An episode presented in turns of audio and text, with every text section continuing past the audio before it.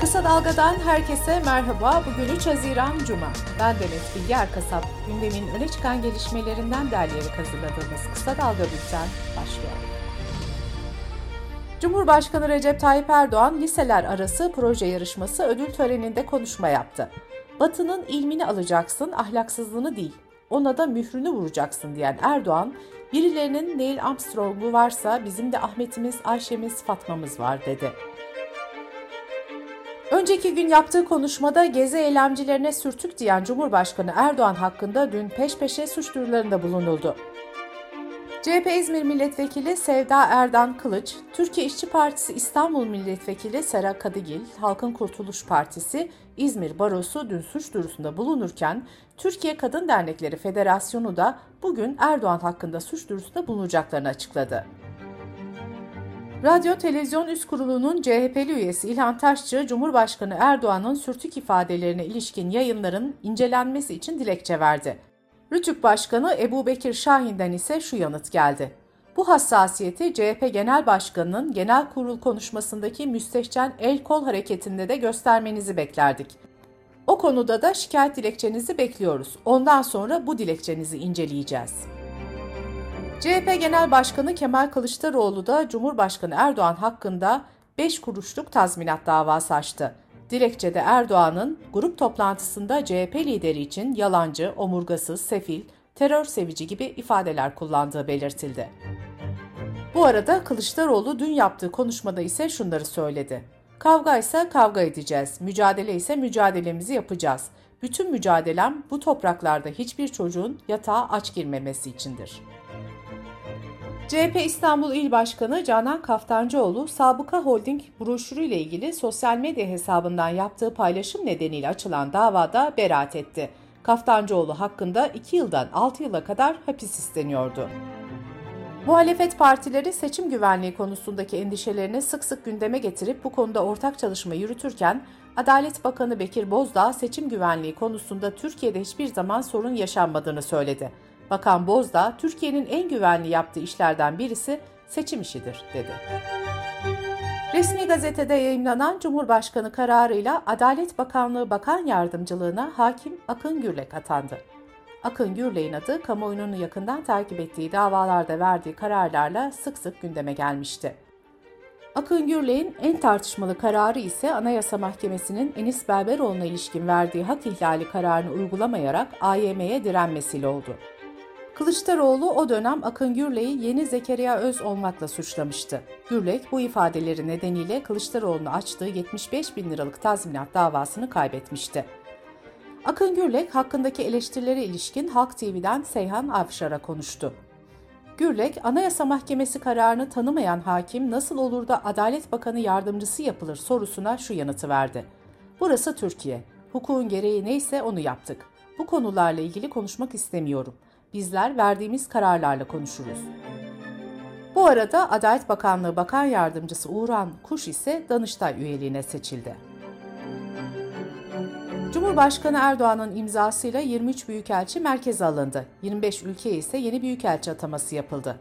Kararda en dikkat çeken isim Merve Kavakçı oldu. Malezya Büyükelçiliğine Emir Salim Yüksel atanırken bu görevi daha önce yürüten Merve Kavakçı merkeze çekildi. CHP'li Bolu Belediye Başkanı Tanju Özcan, belediye meclisinde yapılan oylamada el kaldıran AKP'li meclis üyesi Hacer Çınar'a bana niye el sallıyorsunuz hanımefendi? El sallamak ayıp oluyor, ben evli barklı adamım demişti.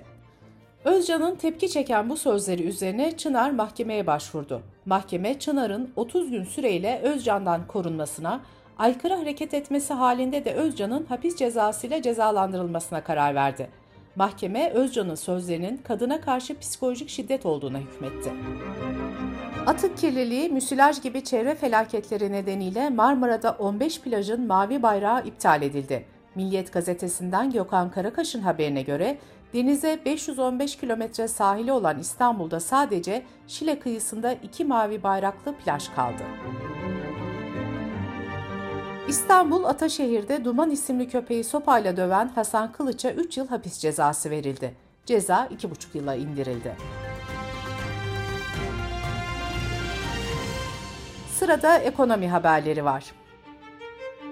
Elektrik, doğalgaz ve akaryakıta önceki gün gelen zamlar gündemdeki yerini koruyor. Dünya Gazetesi yazarı Alaaddin Aktaş, daha durun bunlar iyi günler başlıklı yazısında zamlarla ilgili değerlendirmede bulundu.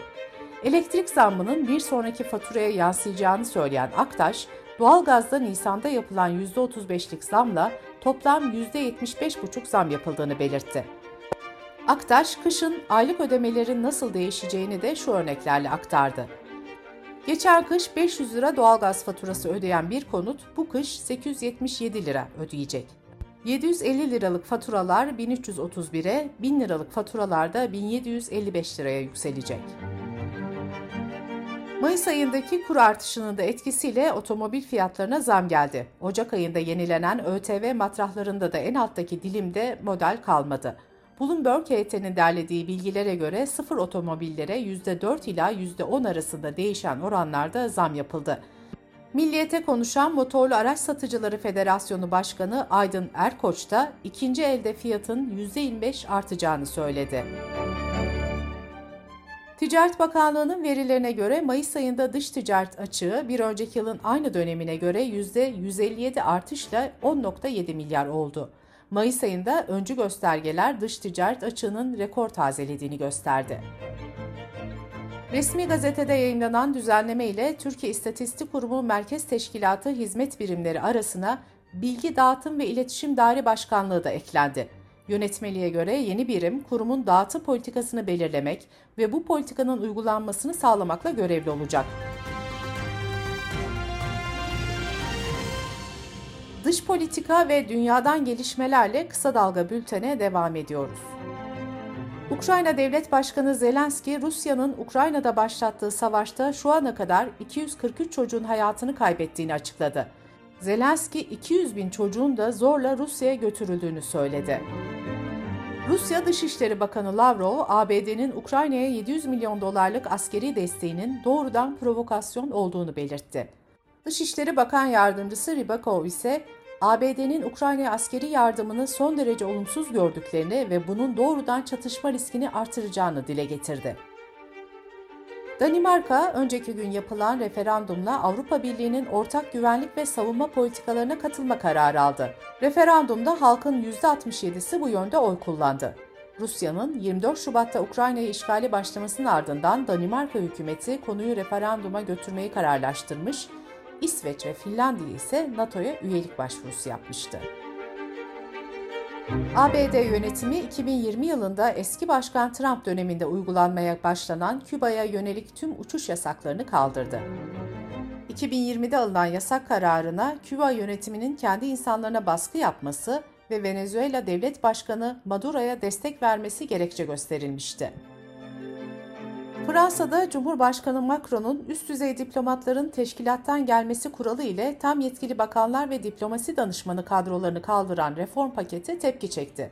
Euronews'te yer alan habere göre Fransa'da çok sayıda diplomat Macron'un Dışişleri Bakanlığı'nda yapmayı planladığı reforma tepki olarak greve çıktı.